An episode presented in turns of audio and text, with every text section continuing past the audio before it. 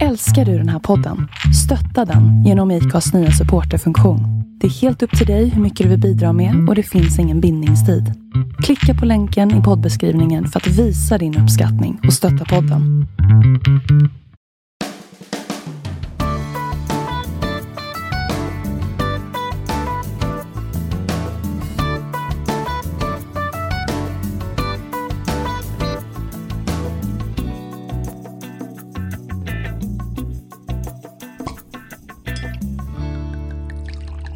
Hej och varmt välkomna ska ni vara till podden Tycker om drycker, Dryckespodden för alla. Podden där vi nördar ner oss i allt som gäller drycker egentligen och kanske framförallt vin. Hörni, det känns fantastiskt kul att vi är tillbaka igen för ett nytt avsnitt eh, efter vårt premiäravsnitt. Och idag så är det jag, Andreas, som sitter här i studion och spelar in det här avsnittet tillsammans med vår första gäst. Vår första gäst för den här podden. Och vem är det här då? Han har en bakgrund som sommelier och även som utbildare och föreläsare. Man kan höra hans recensioner i P4 och som vinskribent kan man läsa hans artiklar i bland annat Svenska Dagbladet, Livets Goda och Gourmet. Ja, man kan säga att han är en riktig mångsysslare som på toppen av allt precis släppt en ny bok som heter Winesplaining, men även tidigare en bok om rosévin. Ja, det råder väl inga tvivel om vem det här är, men varmt välkommen säger vi till ingen mindre än Anders Meldén!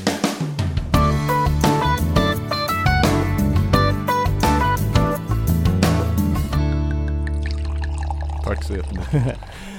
fin, fin presentation. ja, visst var det. Ja. Inte alls nerskriven och inövad. nej, nej, precis. Det gäller att ha ordning på grejerna. Liksom. Ja, men så är det ju liksom. Mm. Vad kul att du eh, ville komma. Ja, och jätteroligt. Eh, gästa på den verkligen. Mm. Eh, lite kort, vem är Anders Meldén? Nej, men du har ju berättat allting. eh, vad ska jag säga mer?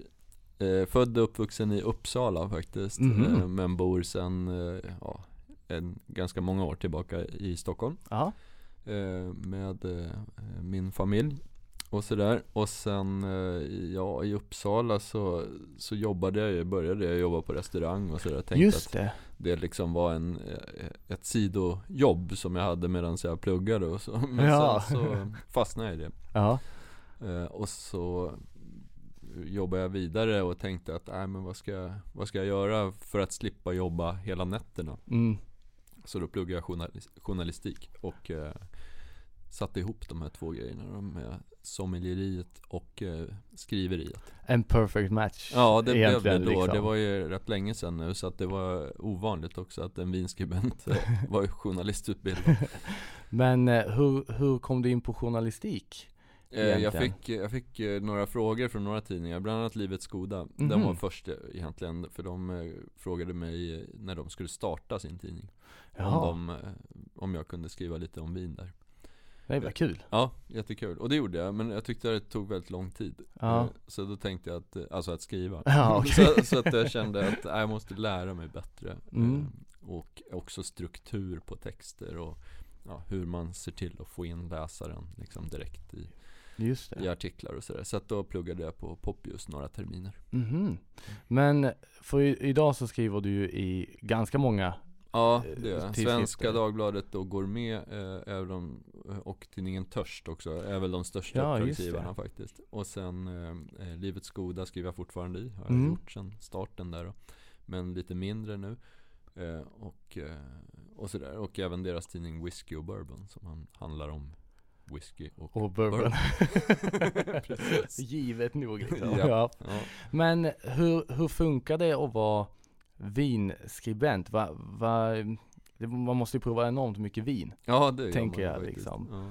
Jag har ju läst, eh, mm. läser ju de flesta av, av dina ja, eh, recensioner och eh, för det som jag tänker på det är ju det finns så otroligt mycket som man kan prova och ja, vi kommer ju prata lite grann om hur man provar vin mm. och, och, hur det funkar.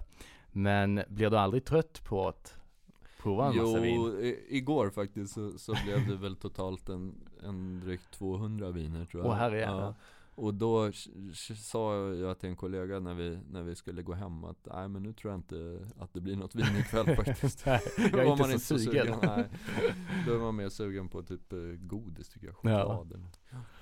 Precis. Men, mm. men vad, vad, var det, just det, för det var, du provade vin inför det som... Ja, det var lite nyhetslanseringar och sen var det en Sydafrika, eh, en stor provning av sydafrikanska viner också. Som, det var kul. Ja, så det, det är jätteroligt. Och jag, jag ser ju mig själv som, i, inom journalistiken så pratar man om de som är specialiserade eller allmänreportrar. Och jag är ju en allmän reporter. Däremot är jag ju specialiserad på vin. Mm. Men jag har ju inte gjort som, i alla fall förr, en del internationella skribenter kunde göra. Att man liksom, jag är fokus Bordeaux eller någonting sånt. Nej. Utan jag kör i allmän journalistiskt kring vin. Då, då blir det ju väldigt brett också. Då blir det väldigt brett. Alltså, mm. okay. och, men har du någonting som du tycker är extra roligt liksom? Och... Jo men det har jag ju och jag har kanske, jag, dels så brinner jag ju verkligen för uh, vinmakarna om man säger, ja. de, som, de som gör vinet. Därför att när man träffar de personligheterna mm. Eh, som står bakom Eh, så är det ju alltid personer som är dels väldigt trevliga och sociala men också extremt dedikerade till sitt jobb. Ja. Och då, då kan jag själv också bli lite så upprörd när jag, när jag själv hittar viner som kanske inte alls görs av en sån dedikerad Nej, vinmakare precis. utan görs i någon stor fabrik någonstans. Lite in, då, industriellt. Ja, och så liksom. kan jag bli liksom. lite störd på att, att de vinerna ändå säljer kanske ännu bättre till och med. Ja. Men, men så det är ju en, en, någonting som jag brinner för. Och sen så har jag ju några länder sådär som Jag tror alla inom vin får sina favoritländer. Ja. Frankrike förstås, men eh, vinmässigt så har ju de en, en enorm bredd. Mm. Sen är jag ju mycket i Italien och sen är ju Portugal ett favoritland också som jag gärna besöker ofta.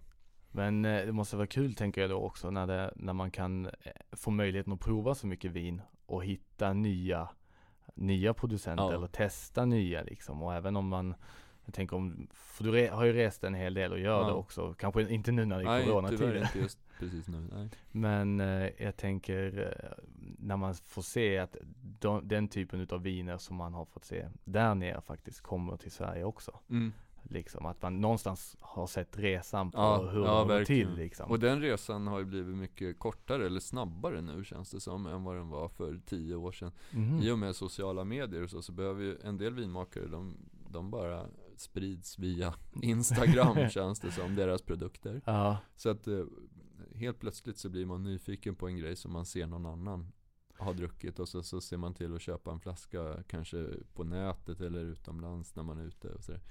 Och sen så efter ett tag så dyker den upp i Sverige för då är det någon annan, någon importör som har sett att det där verkar spännande. Just det, man ser att det växer ja. liksom och efterfrågan. Ja.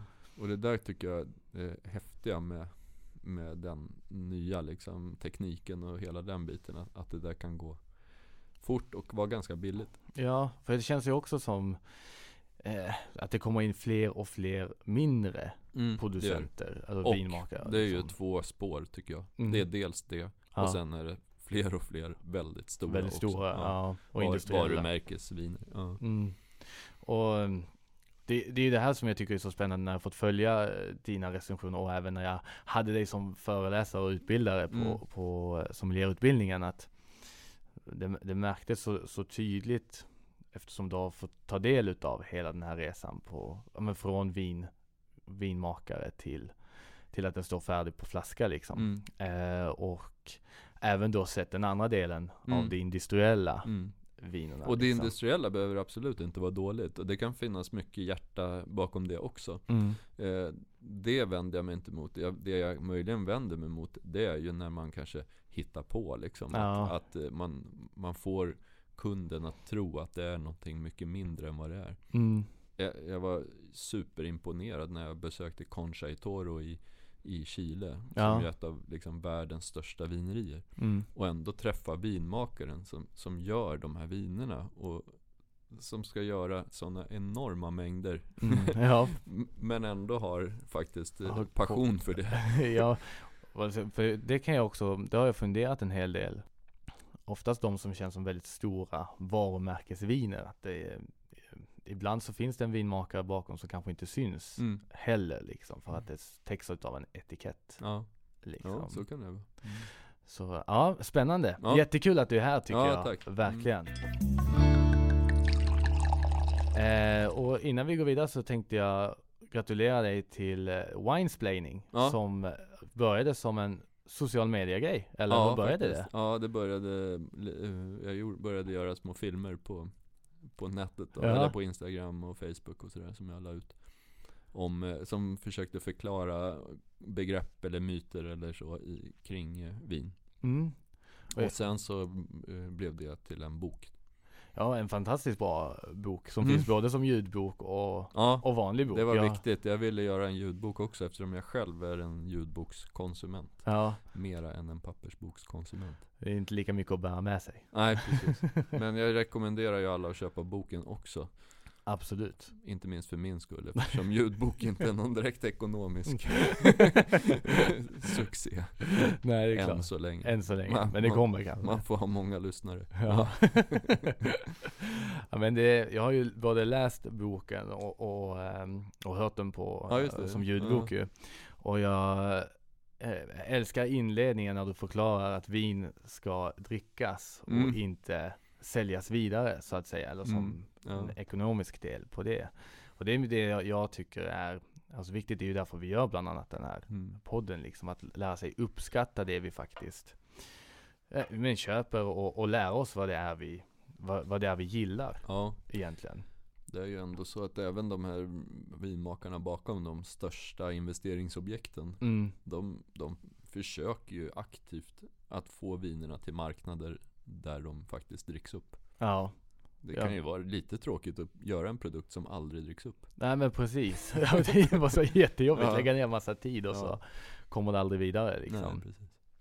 Nej men det, det gillar jag otroligt mycket. Och sen också att det gick ner på en sån nivå så att det blev hanterbart. Mm. Eh, mycket kan, kan jag tyckt tidigare att det, ble, det finns så mycket begrepp man man behöver lära sig för att ibland hänga med mm. i det hela. Eh, och eh, jag tyckte den var riktigt, riktigt, eh, riktigt bra. Jag använde den också till en del att plugga på inför, inför min sommelierexamen. Jaha, vad bra. Ah, det funkar, mm. funkar skitbra. Ja, ja. Du klarade dig. Jag klarade mig, ja, så det, det, det, känns bra. Mm. men vad kul. Nej men eh, jag tänker att vi ska ta och eh, gå vidare och prata lite om, om eh, hur man provar vin.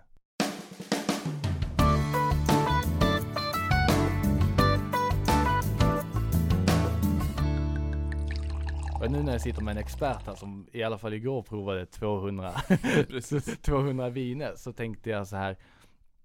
Vad är det, nu blir det ju en lagom bred fråga. Ja. vad är det viktiga när man provar vin?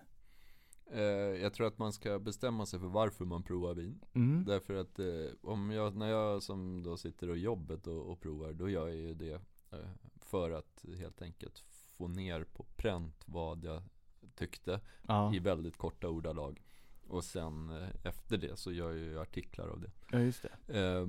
det är ju väldigt få som har den liksom, det uppdraget när man provar vin. Mm. Utan de flesta vill ju prova vin när man, själva, egentligen gillar jag inte ens uttrycket. Nej. För prova vin, vadå prova? Man, prova kläder och så hänger man tillbaks dem ja. sen. Men prova vin, man dricker ju vin liksom, ja, Eller smakar eller vad man ska säga. men, det, men det heter ju vinprovning. Ja. Det får väl göra det. Um, så bestäm dig för varför du provar vin. Om du provar vin verkligen av, av, några lite mer seriösa skäl, eller seriösa, men alltså av skäl som till exempel att du vill Eh, lära dig någonting om druvsorter eller om en region eller du vill lära dig eh, om lagringspotential i vin genom att prova flera årgångar och så här. Då tycker jag faktiskt att du ska göra det lite mera eh, strikt med papper och penna, ja. hyfsat ljus eh, och så vidare. Eh, inte dricka upp allting, i alla fall inte medan du provar, det kan man göra sen då ja. efteråt. Utan eh, ha en spottmugg eller någonting sånt. För man, annars är det ganska svårt att hålla ordning på grejerna. Mm. Sen kan man ju, eh, och det är väl det trevligaste, prova vin med kompisar för att man bara vill provsmaka lite olika viner och då kan det vara billigare om man är fler. Ja. Så att då sitter man eh, ett gäng på en fyra, fem, sex, upp till tio pers kanske och, och provar olika flaskor och sådär.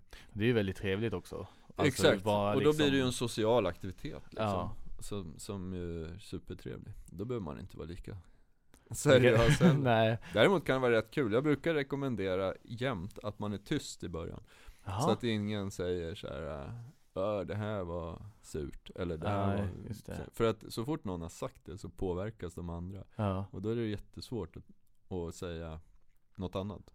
Eh, särskilt om det är någon i gruppen som är, anses vara lite mer kunnig. Eller ja, så. det är klart. Ja. För, för att det finns ju hur många olika aromämnen eller doftämnen ja. liksom. Så att, och ingenting är väl egentligen fel baserat på vad man känner. Nej, det är eh. väldigt svårt att säga att någon känner fel doft eller fel smak. Liksom. Mm. Det, det, det, så är det ju inte.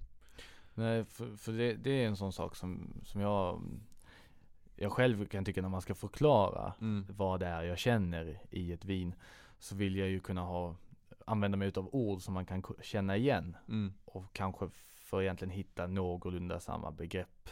Exakt, och det där är jättesvårt därför att om man, om man först säger så att ja, men, ingenting är fel mm. Då blir det ju också väldigt svårt för ja. många För då, blir det, då kommer man inte på någonting Nej, Därför att, precis. jaha det här kan alltså lukta och smaka precis vad jag vill ja. Det är inte heller så bra alltid Ett sätt kan vara att eh, eh man provar som man själv vill, man försöker då hitta lite dofter och smaker. Sen hittar man någon slags, inte facit, men någon slags eh, eh någon annan som har provat det. Till exempel, någon mall att ja, någon bolagets eh, smakbeskrivning kanske ja. eller någonting. Och så, så jämför man där. Och tänker, ja vad har de tyckt? Och så, ja, hittar jag ananas här? Det, det gjorde de. Mm. Ja, och så, och så kan man, på så sätt kan man ju lära sig att bygga upp sitt eh, eget bibliotek liksom av, av eh. dofter och smaker och så. Precis, för jag tänker det det kan ju också vara så, bara för att det står ananas till exempel så kan ju det vara om den är mogen ja. eller om den är omogen. Det kan ju vara hur många ja, grejer ja, som helst liksom.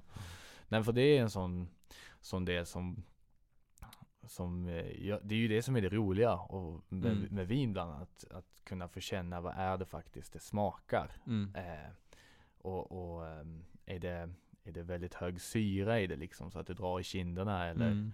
och sådana. Hur tänker du när du provar vin liksom? Vilka element eller vad man ska säga? Jag går, eh, jag går ungefär, alltså när man, när jag föreläser om vin Eh, på vinkällan. Mm. Och liksom, då går man ju efter ett, ett, tydligt schema som är uppbyggt efter WSET som är så här, Wine det. and Spirits Education Trust. Så det är ju liksom brittiskt och väldigt eh, stelt. Det är mallen. ja, precis. Och egentligen ett skittråkigt sätt att prova vin på. Ja.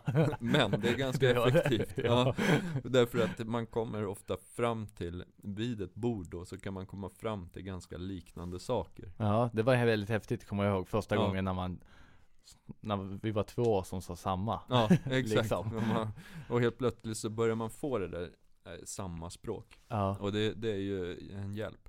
Men i alla fall, lite så går ju jag tillväga när jag provar också. Men jag går ju lite mer på känsla också. Om jag provar ett vin eh, snabbt eh, på, alltså oftast så provar jag det på kanske, inte vet jag vad det tar, en halv minut, en mm. minut eller något sånt där. Då går jag igenom alla de där stegen i huvudet, men jag skriver ju inte alla de stegen. Nej, just det. Eh, alla vita viner behöver man inte skriva hur de ser ut, för att de är rätt lika varandra. Ja. Det kan vara om det är något som verkligen sticker ut, sådär att oj, det här var väldigt mörkt i färgen, ja. eller liksom bubbligt eller vad det. Ja, precis. Mm. Eh, och sen är det ju liksom doft ja, doftar det, i första hand så tänker jag doftar det eh, aromatiskt som frukt mm. eller doftar det mera eh, av, av fat till exempel eller av, liksom av tillverkningen. Eller luktar, doftar det av mognad. Ja. De tre egentligen på vinspråk så pratar man ju om primäraromer, sekundäraromer och tertiära. Precis, du kommer ihåg. Jajamän. Ja. Eh, och de tre, det, det, är ganska bra. Ja. Det räcker nästan bara med att dofta också, så har du kläm på vinet. Ja. Hittar du tertiära aromer, ja men då vet du att vinet är lite äldre. Ja. Då har det legat i flaskan ett tag. Hittar du sekundära aromer i, i form av nötter och, och rostade kalaspuffar liksom. Mm. Då är det fatlagring.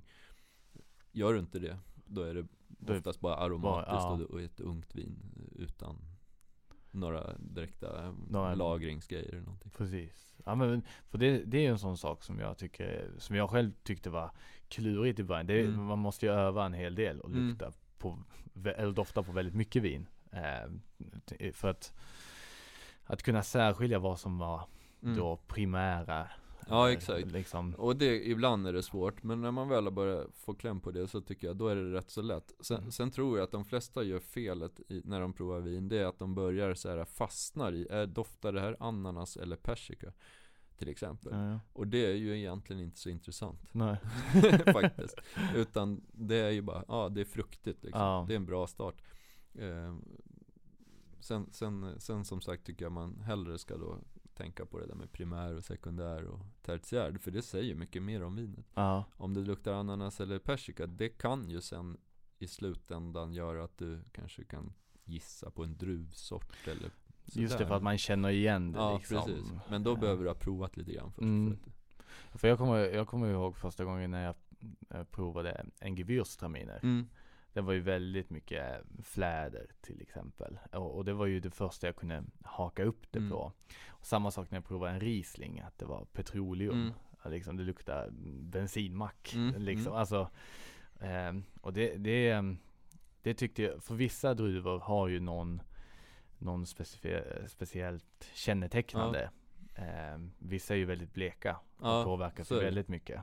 Eh, så att, och det är också ett tips, jag kom ju från, från dig där nästan, mm. men alltså att man, just att man väljer eh, i början när man vill lära sig prova vin, välj tydliga viner, mm. viner med, eh, som är gjorda av, kanske av en druva till att börja med. Ja. Eh, och att de är gjorda av druvor som har en tydlig karaktär. Eh, en del druvor är mer aromatiska än andra, precis mm. som du säger. Och då om man hittar dem så, så är det lättare att prova dem mot varandra. Och sen ska man inte välja för billiga viner heller.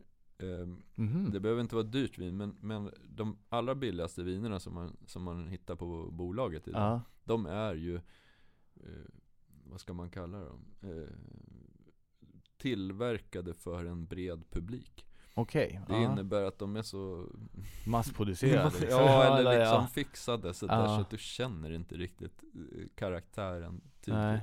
Vad ska man jämföra med? Men om, om du dricker en kopp kaffe ja. Så när du dricker en, en kopp, eh, inte vet jag, Gevalias ja. eller, eller Löfbergs eller vad du nu väljer för någonting ja. Vanligt bryggkaffe så kan du förmodligen inte riktigt känna så här bönsort För att det är ju bara, det är gjort bara för att vara en god smak som ja, ska passa det ska smaka kaffe Ja, precis. ja.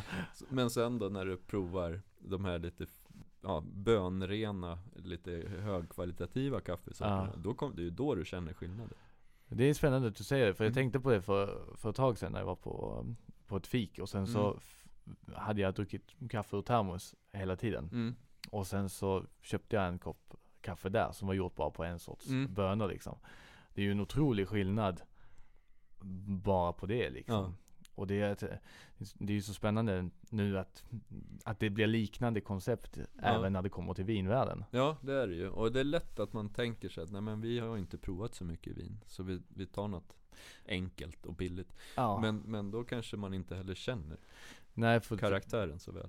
Precis, för det, det är ju en sån sak som det, det fanns väl en 99 kronors gräns som man hade för några år sedan. Ja, ja. Och den har väl utökat till 129 eller något sånt här. Kanske. Liksom, kanske. Men eh, jag kan ju tycka att idag, det är inte mycket, oavsett vilket så är det inte mycket pengar för ett vin att gå upp. Nej, och bit. sitter man eh, fem pers runt ett bord då, då är det ju ingenting. Nej, och det är en häftig upplevelse att mm. och, och bara prova något som är riktigt, riktigt, riktigt gott mm. och välgjort tänker mm. jag.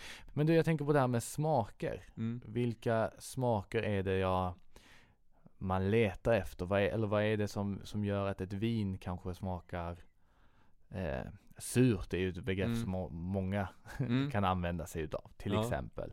Eller att det smakar eh, som lite oljigt i munnen ja, till exempel. Vad är det som, vad är det man känner då? Ja, det, nu är det ju liksom, egentligen är man ju inne på kemi. Mm, ja.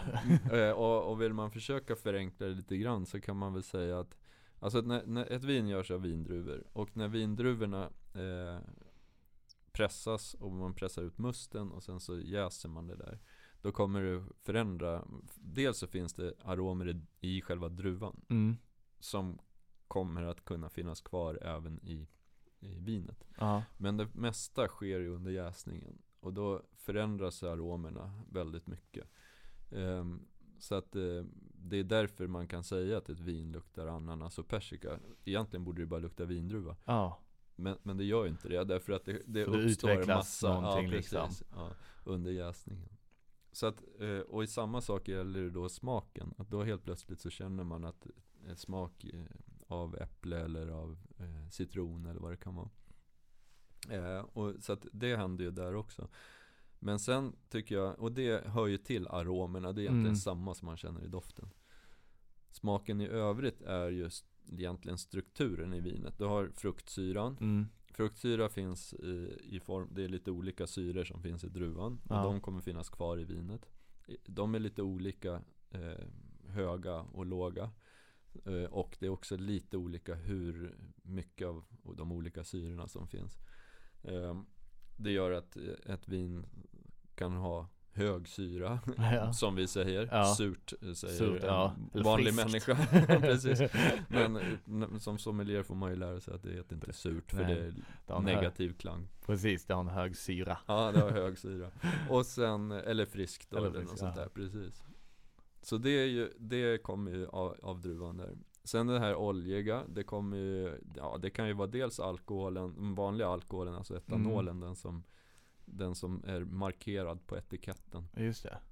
Sen uppstår det lite andra alkoholer också. Jag tror att egentligen glycerol eh, uppstår under jäsningen. Det är den som ger den här lite eh, fetare mm -hmm. texturen och ibland till och med kan kännas lite söt. Jaha. Så att eh, en del riktigt torra viner mm. kan upplevas lite sötare liksom av det. den anledningen. Så att det, det, det, det kommer lite ämnen under jäsningen ja. som ger både munkänslan och syran. Alltså fylligheten och syran. Eh, sen, eh, vad ska vi ta mer? Ja, sen pratar man ju om tannin.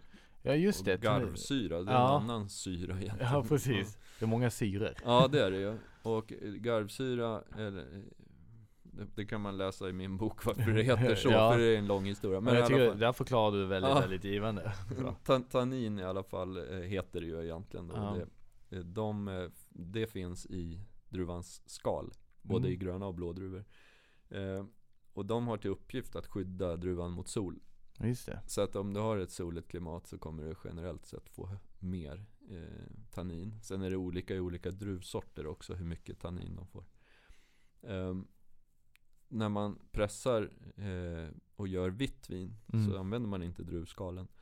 Utan man pressar bara av musten och så jäser man själva musten. Ja. Så därför får man ingen direkt eh, strävhet som, som de här tanninerna ger eh, smakupplevelsen av. Får man inte i vitt vin. Men Nej. i rött vin så, så använder man druvskalen för det är även där färgen sitter.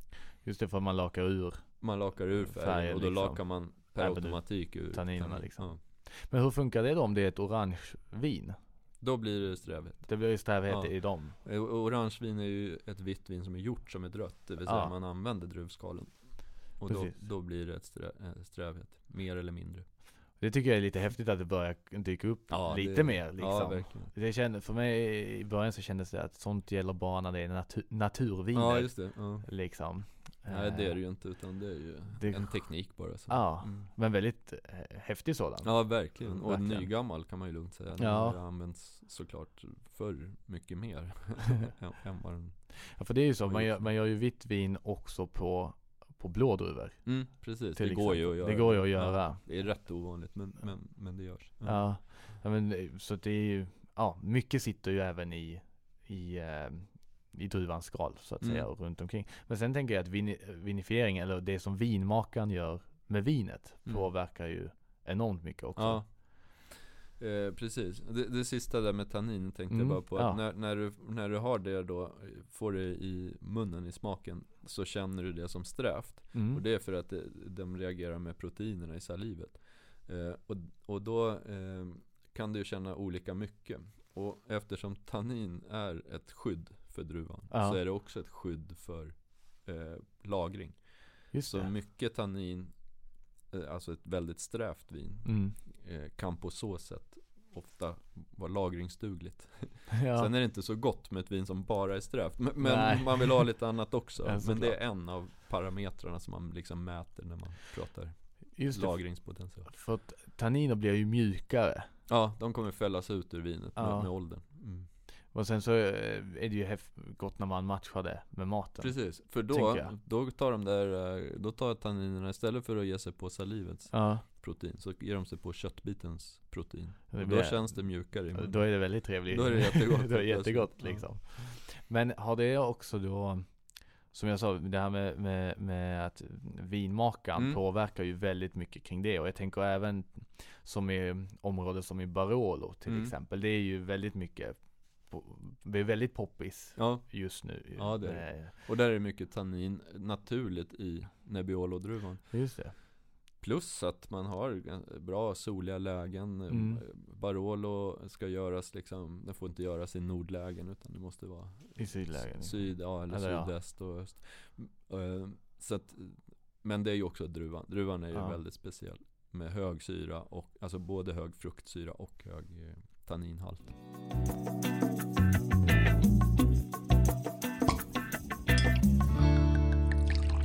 det är egentligen om vi bara går igenom stegen så är det Kolla på egentligen vad mm. det är mm. för färg på vinet mm.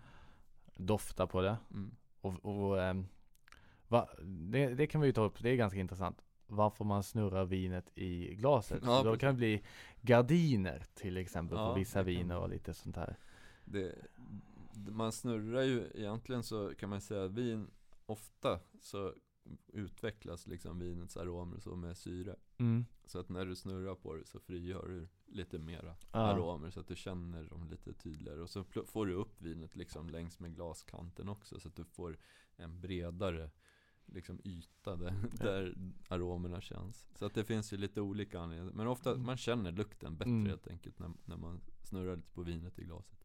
Sen har du gardinerna, de är ju roliga. När man, om man tittar på ett glas vin eh, man vickar först bara på glaset mm. Och sen så ställer man ner det igen Och sen kan man efter ett tag se att det, det blir som en hinna av vin på insidan Och när det där rinner ner Så pratar en del vinprovare om vinets gardiner eller ja. det, det, finns andra uttryck för det där också det, Jag brukar kalla det viskositet för, för det väl, Men det är väl lite mer torrt kanske ja. Vad det faktiskt handlar om ja. Det är ju hur trögflytande det är ja. Eh, och då går man tillbaks till basic. För vin består av alltså druvsmust och, och sådär. Eh, och sen när det har blivit till vin så består det av fem, eller 85% vatten ungefär. Ja. Eh, naturligt från druvan. Eh, och resten nästan är ju alkohol. Mm. Och sen är det då alla de, några procent som ger alla de här smakämnena. Just det. Aromerna, syra och så vidare. Ju eh, lägre den där halten av vatten är ja.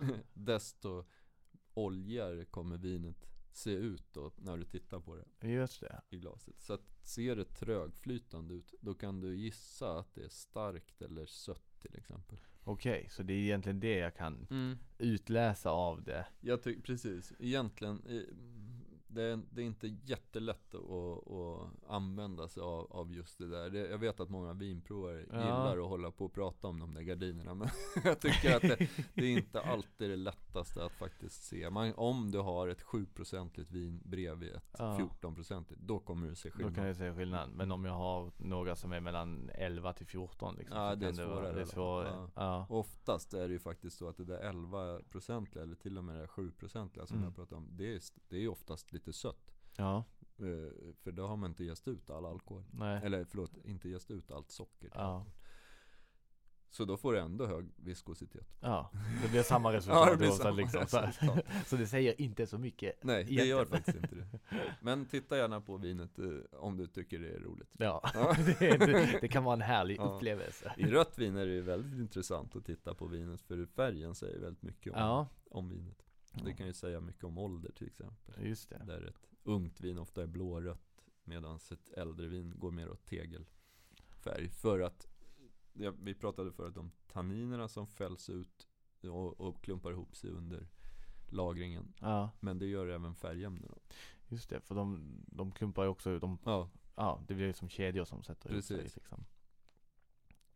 Men det är, ju, det är ju häftigt det där tycker jag. Mm. Alltså för sen Men ta, vi var inne på Nebbiolo också, mm. den är ju väldigt Den är ju inte så blåröd Nej I början Eh, så när, när, man tittar på den vid första tillfället så, så eh, första gången jag skulle prova det så tänkte jag att det här var ett lite äldre. Mm. Eh, tills jag smakade på det och mm. så, så, var det ju strävt till tusen. Ja. Eller massa det, det är ju en sån här druva som är nästan eh, undantaget som bekräftar regeln. Ja. För det är ljust i färgen mm. och det borde då, ofta tycker jag att tannin, alltså eh, strävhet och färg hänger ihop. Mm. Men i, i Nebbiolos fall gör det inte det. Nej. Utan det är ju jättesträvt men har nästan, har väldigt lite färg. Ja. Men det är väldigt kul med det tycker jag. Det är ju, mm. och samma sak om man provar något, ett vitt vin mm. till exempel och det har fått lagra lite. När mm. det har börjat förändra sig lite i färg också. Mm. Och då kan det ju gå lite, bli lite djupare, få ja. lite gyllene toner. Eh, till slut så blir det vita vinet också lite så orange, eh, ja. brunt. Då kanske det till och med har gått för långt ibland. Det beror på lite grann det, vilken typ av vinmakning det har varit bakom det. Alltså är det när vinmakarna tänkt att vinet ska lagras länge mm. så, så kan ju ett vitt vin hålla minst lika länge som ett rött. Det är häftigt. Mm. Det, det, känns som att det är ofta man provar ett äldre rött vin Ja det är ju än det. vitt. Jag tycker egentligen att det ofta roligare och kanske till och med godare med riktigt gamla vita vin. ja. ja. Och riktigt gammal champagne kan, kan Det är väldigt trevligt vara häftigt Det är nästan så att man känner doft och smak av sherry Jaha Och så kan det ändå finnas bubblor kvar och sådär men det, ja. det är riktigt, riktigt häftigt mm.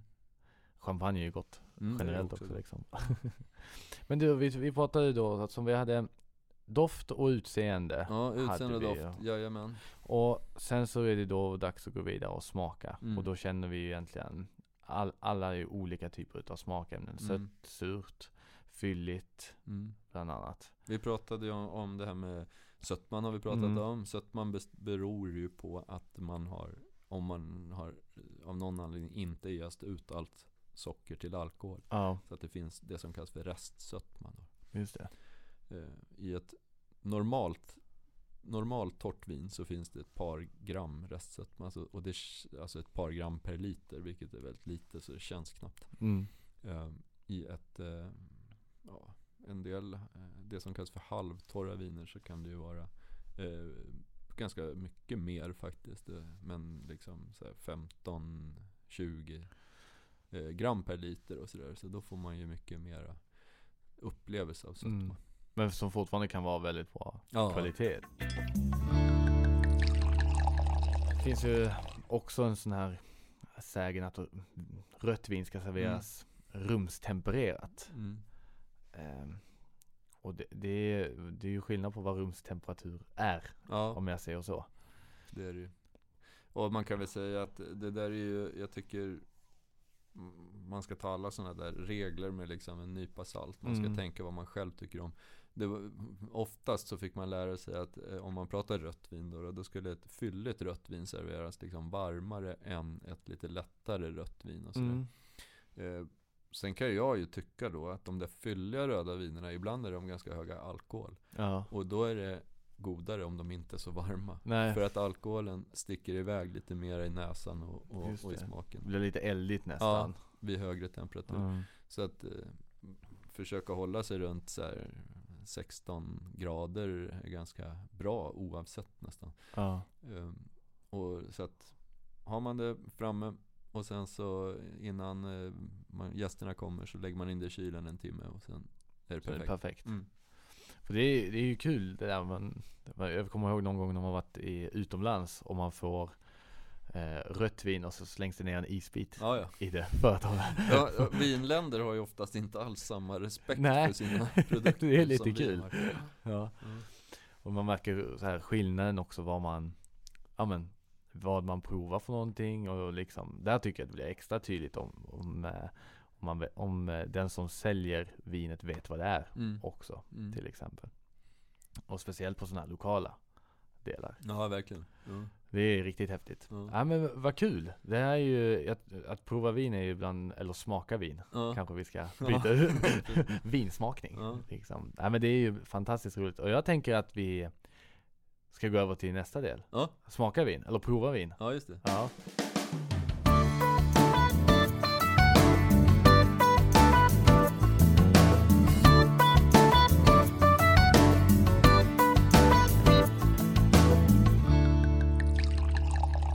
Och va, då har du fått välja vin. Ja, jag tog med ett vin som jag tyckte var, som jag tycker är kul. Därför att det är ett vin som man kanske inte riktigt Ja, det är inte så vanligt att folk tar det. Det, det är ju ett portugisiskt mm. vitt vin. Och det kommer från Douro, dalen, alltså rakt in från Port Porto ja. in i landet. Vanligtvis gör man portvin där. Just det druvorna går till portvinstillverkning. Men i takt med att portvin har blivit lite mindre poppis mm. så gör allt fler firmor vanligt vitt och rött vin också. Och det här är en sån, Quinta do Crasto heter, heter producenten. Och eh, de, eh, jag har varit där eh, på besök, jättefint ställe, ligger högt upp på en liten, ja, på en inte kull, nästan ett berg kan man säga, precis in till Dorofloden. Jaha. Jättefint. Så det här är ett vitt vin därifrån. Häftigt. Ja. Det är liksom det Du blev lite chockad när Ja, när du skickade det. Jag du tänkte trodde jag skulle, du skulle få en Chablis liksom. Ja, en Chablis eller en Barolo liksom. ja, just det var liksom ja, ja. Det, det jag tänkte Eller om du skulle skoja till det med ett eh, portvin eller en sherry ja, liksom. ja, precis. Det hade ju också varit Nej men jag, jag tyckte det här var väldigt kul och framförallt när jag såg att det var ett, ett portugisiskt Då tänkte jag direkt på att nu blir det en uh, Alvarinho mm. Liksom. Men det men är det, det inte. inte. Nej. Nej. Verdejo och, eh, och eh, Viosinho heter druvorna. Ja. och det de, det, de ingick, ingår fortfarande då i vitt portvin ofta. Mm. Eh, och, eh, men sen framförallt Viosinho ja. har blivit lite poppis eh, sådär och lite mer framträdande bland mm. vitvinsdruvorna i Doro. Ja. Jag tog ju det här vinet just av anledning att vi pratar provning. Ja. För jag tycker, dels så tycker jag att att det är ett väldigt gott vin. Men så tycker jag också att man känner åtminstone både primär och sekundär ja. aromer i vinet. För det är ett ganska ungt vin, det är från 2018. Men det är eh, fatlagrat. Eh, och det, det, är också en fatlagring som faktiskt känns lite grann. Just det, vad är det man känner då? Oftast eh, jag tycker jag, jag, när jag doftar på, på ett fatlagrat vin så här, då, då kan jag känna eh, Dels, ibland så känner man själva trät, alltså att man, man nästan kommer in i så här träslöjdssal och sådär. Ja, just det. Då är det ju lite mycket kanske. Ja. Då, har, då har de tagit i lite för hårt.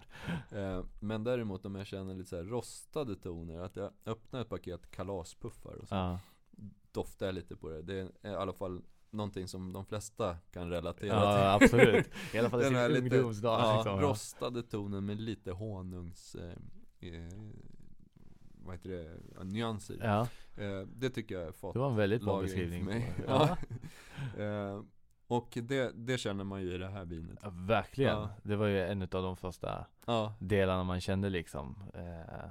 Och sen så, men, men det som är bra också, det är att det inte bara är det. Utan Nej. det finns den här lite solmogna gula frukten mm. som du var inne på. Vi pratade om, inte vet jag. Gula äpplen bland annat ja, liksom. Precis lite, lite mognare frukt. Inte ja. de här gröna Granny Smith-äpplena som man kanske känner i Rieslingvin. Utan Nej, precis. Lite... Utan, ja men lite, lite varmare frukt mm. skulle man kunna säga. Ja. mognare. Känns som att de har fått mer sol helt Ja, enkelt. precis. De har hängt i solen ett ja. tag liksom. Men, eh, och sen så tycker jag någonstans när jag doftar på vinet så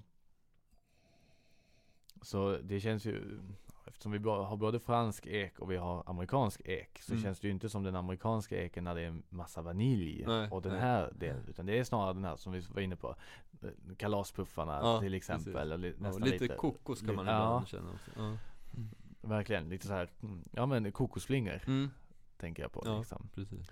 Nej, det här var riktigt häftigt. När du, när du som, som du sa, när du skickade det till mig så tänkte jag, ja, nu, eh, nu får jag testa någonting som jag nog aldrig har provat Nej, tidigare. Liksom. Det, här, det här släpptes ju som nyhet nu under sommaren tror jag. Eller ja. Eh, och då tänkte jag att, ja men det här är, är ju kul, för det här sticker ju ut. Ja, verkligen. Mm. Alltså, ska vi ta och smaka det? Ja, det tycker jag. Det tycker jag.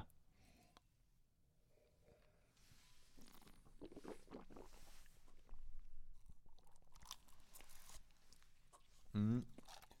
Och när man doftar på vinet, då vill man ju gärna få ner näsan och få liksom en ganska så mycket doft som möjligt. Mm. Eh, gärna dofta, testa att dofta först en bit ifrån och dofta närmre och närmre. Eh, när man smakar på vinet, det var en rejäl klunk. Ja. Eh, man kan inte hålla på och fin eh, smaka så här, för då känner man inte alla Utan en rejäl klunk som det låter liksom hela munnen Får komma runt i munnen Verkligen liksom. Tungan, förr så pratades det om att det fanns surt och sött och beskt och sånt ja. där. Det är ju bara eh, båg verkar det som. Ja, ja det Utan det finns en massa olika eh, känsliga smaklökar ja. som vill vara med där. Så se till att prova hela. Men jag tycker att det här finns det här tycker jag är, är häftigt, för det känns lite som vi pratade om. Mm. Det, det, är ett väldigt fylligt vin, mm, tycker det. jag. Det känns ju liksom lite oljigt om mm. vi nu ska använda den, mm. de orden. Eh, men det, det är samtidigt väldigt hög syra ja. i det. Så att det blir ju en, en tillsammans med de här varma, mogna ja. äpplena liksom och fatkaraktären. Det blir en häftig upplevelse. Ja, jag tycker det. Och det är faktiskt bara 12,5% alkohol som det ja. står där. Det kan då teoretiskt vara uppåt 13, men, ja. men inte mer än så. Får det inte vara i alla fall. Eh, så att det är ju inte det som ger den här fyllighetskänslan. Utan Nej. det är ju liksom den här solmogna frukten bara som, som finns där i bakgrunden. Ja. Ja, den här var riktigt, riktigt häftig. När vi provade den här innan vi mm. satte igång så blev det ju liksom en, verkligen en, en wow-upplevelse. Mm. Uh, tycker jag. Jag tyckte den var riktigt, riktigt god. Men vad skulle den här passa bra till format? Tänker du? Ja, här tänker jag ju att man, man eh, gifter ihop den här eh, rika frukten mm. men också med de här lite små fattonerna, rostade tonerna. Så att jag gillar ju eh, den, den, här typen av vin till eh, antingen en fiskrätt eller en kycklingrätt eller, eller bara grönsaksrätt. Men där man kombinerar det med till exempel brynt smör, rostade hasselnötter. Just det, för att ta, ta upp den här fatkaraktären. Så att man liksom, liksom nästan skapar en maträtt som har samma beståndsdelar i smaken som ja. vinet. Man kan ju välja när man, när man matchar mat och vin eh, antingen följa vinets smak eller hitta motsatskombinationer. Ja. Eh, men i det här fallet skulle jag gå på att följa vinets smak liksom. Och den smakar ju väldigt mycket mm. Alltså verkligen Den kostar 150 kronor på bolaget Ja det kommer jag inte ens ihåg ja, liksom. Nej men det jag tyckte när, mm. när jag ehm, För jag tänkte nu hade du hittat något eh, Något utöver det lilla extra liksom Men det är ju ett otroligt prisvärt vin mm. Alltså Ja men det, det, är ett kul, kul vin att, att, att bjuda på sådär. Man kan, man kan prata om det lite grann ja. Det är inte bara Det inte, rinner inte bara ner Nej, nej precis Nej men den, eh, nej, riktigt, riktigt, mm. riktigt bra, trevligt vin Också häftigt som du sa att, att det är från Portugal Det ja. tänker man ju inte vanligtvis när man ska köpa ett vitt vin Nej Tänker jag Nej, eh, förutom då Alvarinho Eller Alvarinho, som, ja. ja. Eh, som ju har blivit supertrendigt här nu Men, men jag älskar ju Portugal och ja. jag tycker deras viner är så underskattade så. Mm. Ja men verkligen mm. Alltså och Det är det som är så kul med vinvärlden Det mm. finns så mycket men man mm. måste bara hitta det ja. Alltså det finns ju så enormt mycket att, att prova ja. Verkligen liksom Du om du får ge tre tips, tre sista tips för hur man blir en duktig vinprovare Okej okay. Börja med eh, bestäm dig för varför du ska prova vinet. Ja. eh, köp inte för billigt. Nej. 150 kostar det här, men ja. där någonstans räcker bra. Liksom ja. 100-150, men köp inte de här eh, boxgrejerna. För de, de är ju gjorda för att smaka, eh, bara tillfredsställa en stor ja. publik. Inget fel i det, men det är inget in att sitta och vinprova.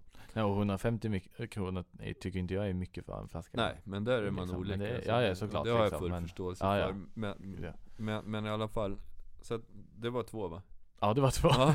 Och nummer tre, fastna inte i detaljer som ananas eller persika. Nej. Utan nöjd med att det är fruktigt. Och om det är fruktigt, är det då kartigt och ungt fruktigt? Eller mm. är det lite mer solmoget som vi hittade i det här? Just det. För det säger ju oss att det här vinet kommer från en solig region. Mm. Och det gör det. Ja. Det kommer från Doro som är eh, där branterna liksom har jättemycket och fin solexposition. Mm. Ja men vad bra, mm. då, då har vi fått eh, alla möjliga tips nu egentligen Men det, det grundar sig mycket i att ha kul och prova gärna ja, flera ja. Alltså och eh, våga prata om Våga prata, och så, och så lägger jag till då, ja. fast våga också vara tyst i början Precis, så att i början får, utav det. Alla får tänka. Ja, jättekul att du eh, ville komma hit Anders. Mm. Verkligen, stort tack för att du kom och gästade Tycker om drycker. Tack. Tack. Ja hörni, det var allt vi hade att bjuda på för det här avsnittet Men wow! Vad roligt det har varit att få sitta och eh, diskutera om hur man provar vin och dess olika smaker med självaste Anders Meldén. Ett riktigt, riktigt häftigt möte och eh, att få testa vin som man normalt sett kanske inte skulle testa på.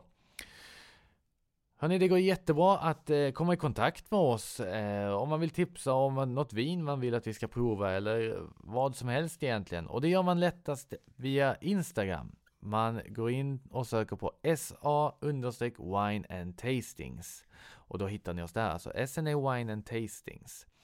Eh, och dessutom så finns det nu en tävling inne på sidan eh, där vi, eh, man kan tävla om att vinna Anders Meldéns bok om rosévin och den finns signerad där. Så in och delta i tävlingen vet jag och eh, så syns vi snart i ett nytt avsnitt där vi kommer att fortsätta att grotta ner oss i dryckens värld. Tack för idag ni.